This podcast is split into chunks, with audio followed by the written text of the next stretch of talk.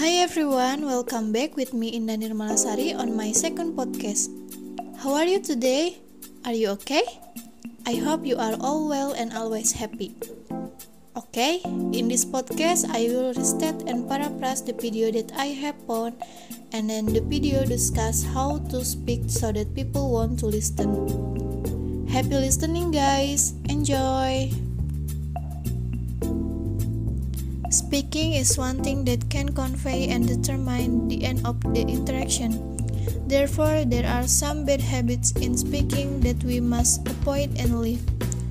Usually, these habits will cause the other person to be uncomfortable talking to us. So, here are some habits that we must avoid.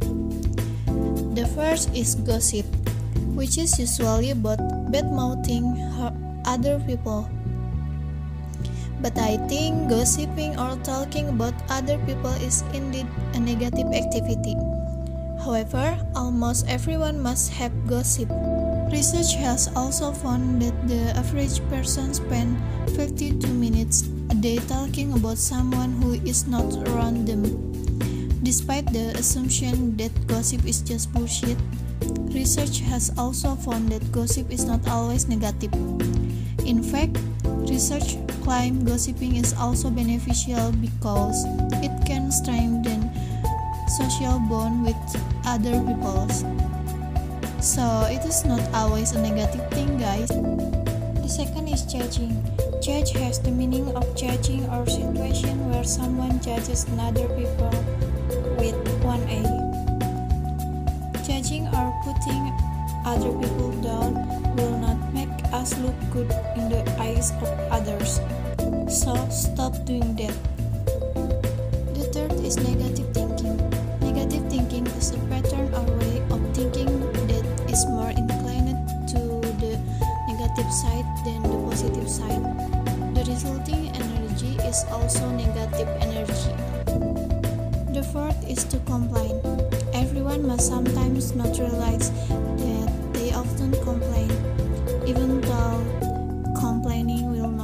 produce anything. Um, actually, you can complain as long as you don't give up. I think. Fifth is reason. An excuse can be a very bad thing if placed in the wrong circumstance. For example, someone make a mistake and use all kinds of excuses to blame others so that he doesn't avoid being accused. That's all not good. The sixth is lying. It's human nature. If you convey something to others, it will definitely change, either increase or decrease. And things like this fall under this type of lying. Lying is also not good for our future because some companies are looking for honest people. The last is the seventh. Dogmatism or mixing facts and opinions about something. I'd like to suggest that there are four really powerful cornerstones foundation that we can stand on if we want our speech to be powerful and to make change in the world. Like getting used to the HAIL approach. What is HAIL? HAIL stands for honesty, authenticity, integrity, and love. The first is honesty. An honest person will usually be facilitated in everything. So, as much as possible, we must be honest human beings. Even smart people have nothing to do with honest people. And second is that we also have to be authentic. Authentic people radiate an energy that naturally attract others. The third is integrity. You have to prove what you say by deeds. It's more than honesty. Or it can also be called talk less, do more. People who act more will look more charming than people who only talk a lot. And the last one is love. We have to talk to other using love, not love like romance.